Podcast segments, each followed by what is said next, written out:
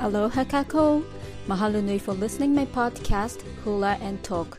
My name is Kawanoe Anuhea, and all I talk on this podcast is based on something my kumu shared with me or my research. As Hawaiian didn't have written language earlier, many things still uncertain. So my podcast sometimes contain the information it's not sure. If you have better understanding or different opinion, please send me DM by Instagram, Twitter, or comments from my website. My Instagram account is kawanoeanuhea0410. My Twitter is searchable as Kawanoe's Hula Studio. My website is kawanoeshulastudio.com without apostrophe. I would highly appreciate your opinion.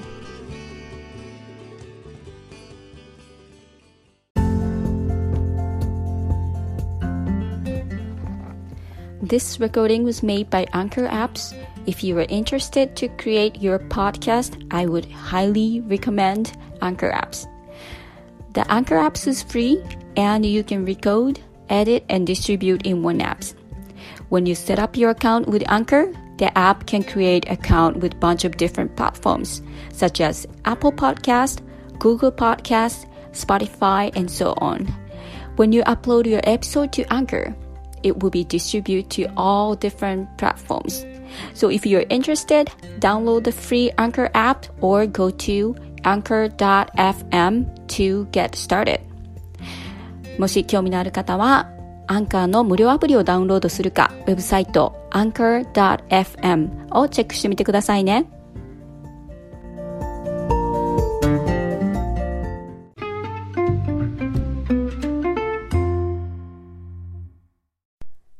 With last episode, I was talking about how the Kamehameha the Great born and grow up in his early childhood.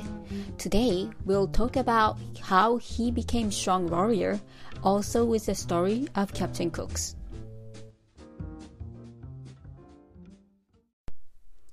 His uncle King Kalani'opu'u chose Kekuhaupio as Kamehameha's trainer.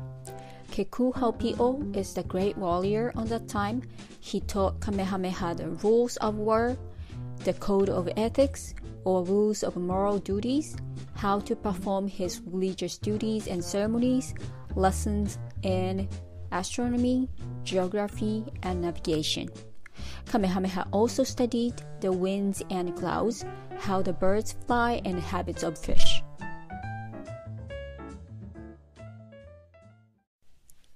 So, what is the code of ethics or rules of moral duties? For example, it was considered bad to attack an enemy without first warning him. It means you have to warn a person before you attack that person.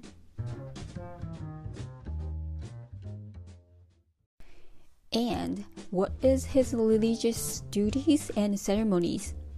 On that time, there were special religious ceremonies held before the war could start. Hawaiian were very religious people, and the war god was called Ku. I will talk about Hawaiian gods and Akua when I have a chance.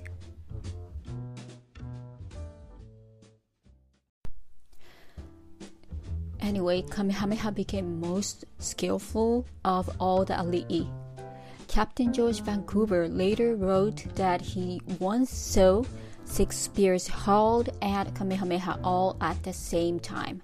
Kamehameha caught three with one hand and broke two with the spear in his other hand, and one he dodged.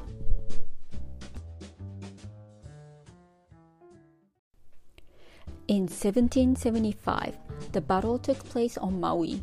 Kalani'opu'u and Maui chief Kahekili, which might be Kamehameha's biological father, fought at Sweet Potato Field.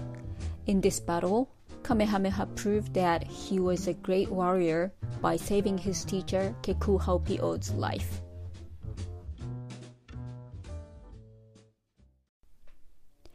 Also in 1775, high ranking ali'i watched and proved that Kamehameha overturned the Naha stone, which weighed nearly 5,000 pounds, 2.2 ton. Naha stone was a sacred stone reserved for those in the royal bloodline as a test of leadership. The legend told whoever could move or overturn the stone possessed the mana to rule that land. Kamehameha wasn't the bloodline, but determined to challenge the validity of this belief. A kahuna on that time prophesied that if Kamehameha overturned the Naha stone, he would unite all of Hawaii Islands under one rule. And so he did.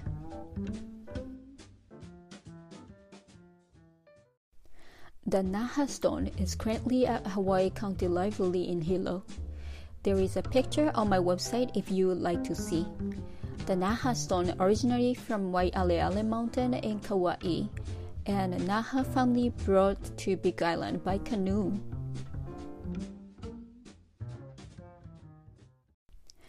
As many people know, English navigator Captain James Cook visited Hawaii and met Kamehameha. This is one of my favorite stories. Captain Cook was the first known Western explorer to visit Hawaii Islands. First, he anchored Kauai, and they traded nail and bits of iron for water, pork, fish, sweet potatoes, and kalo. On Ni'ihau, they traded for yams and salt.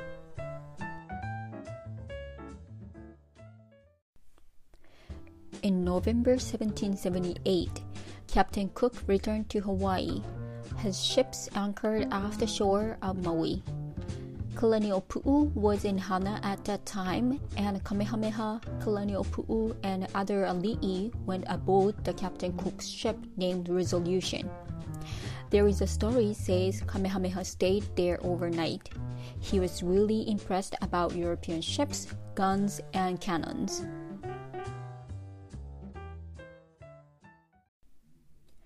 In January 17, 1779, Captain Cook came to Kealakekua Bay in Big Island. Now, when Captain Cook came there, it is during the makahiki season. Makahiki starts from October or November and finish February or March. I'll talk about the detail of Makahiki season sometimes, but it's important to remember it is honoring a god Lono Ika Makahiki.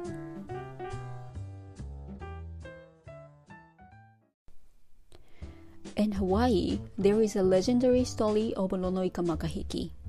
The god Lono was one day said, I will come back with large canoe and left Hawaii.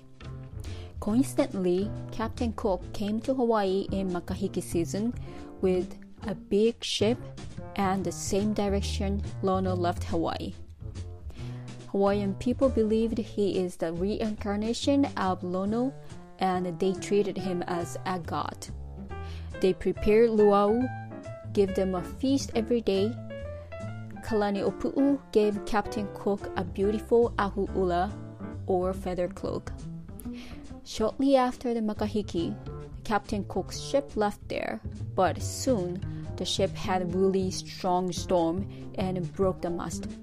The ship came back to Kealakekua Bay after two weeks.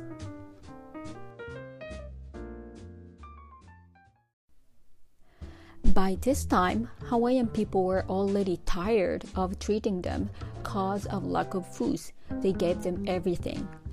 On that time, one of Cook's captain accused one ali'i for stealing a jolly boat. The boat was soon found and stolen, but Hawaiian people's frustration was maximum. They were so mad, and Captain Cook took the king Kalani'opu'u as hostage. The behavior made Hawaiian people more mad, and they surrounded the beach where his ships are.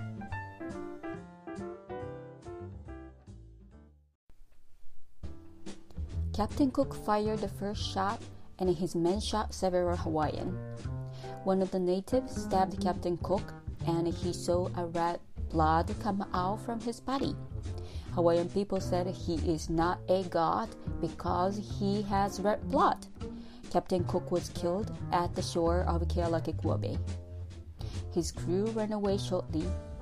If you go to Kealakekua Bay State Historical Park, you will see the monument of Captain Cook.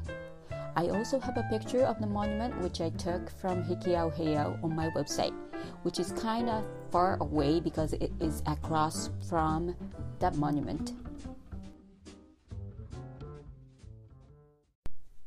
By the way, the cloak Ahu'ula Captain Cook received from Kalani Pu'u was missing for a long time, but it was finally found in New Zealand and a New Zealand museum rented this to Bishop Museum in 2016 that Ahu'ula finally came back to Hawaii after 237 years.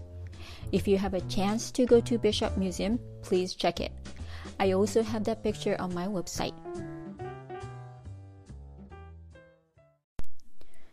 I will talk about how Kamehameha started to conquer all islands with the next episode.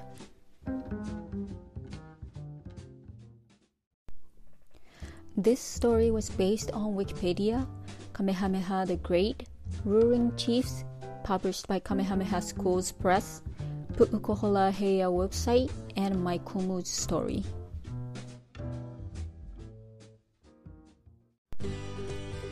Mahalo nui for listening my podcast Hula and Talk. My name is Kawanoe Anuhea. The background music during the main story was from sensorsoccer.com by Ambience. If you enjoyed my podcast, please share with your friends and family.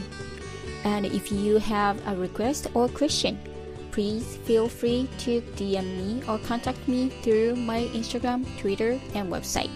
Malamapono ahui ho!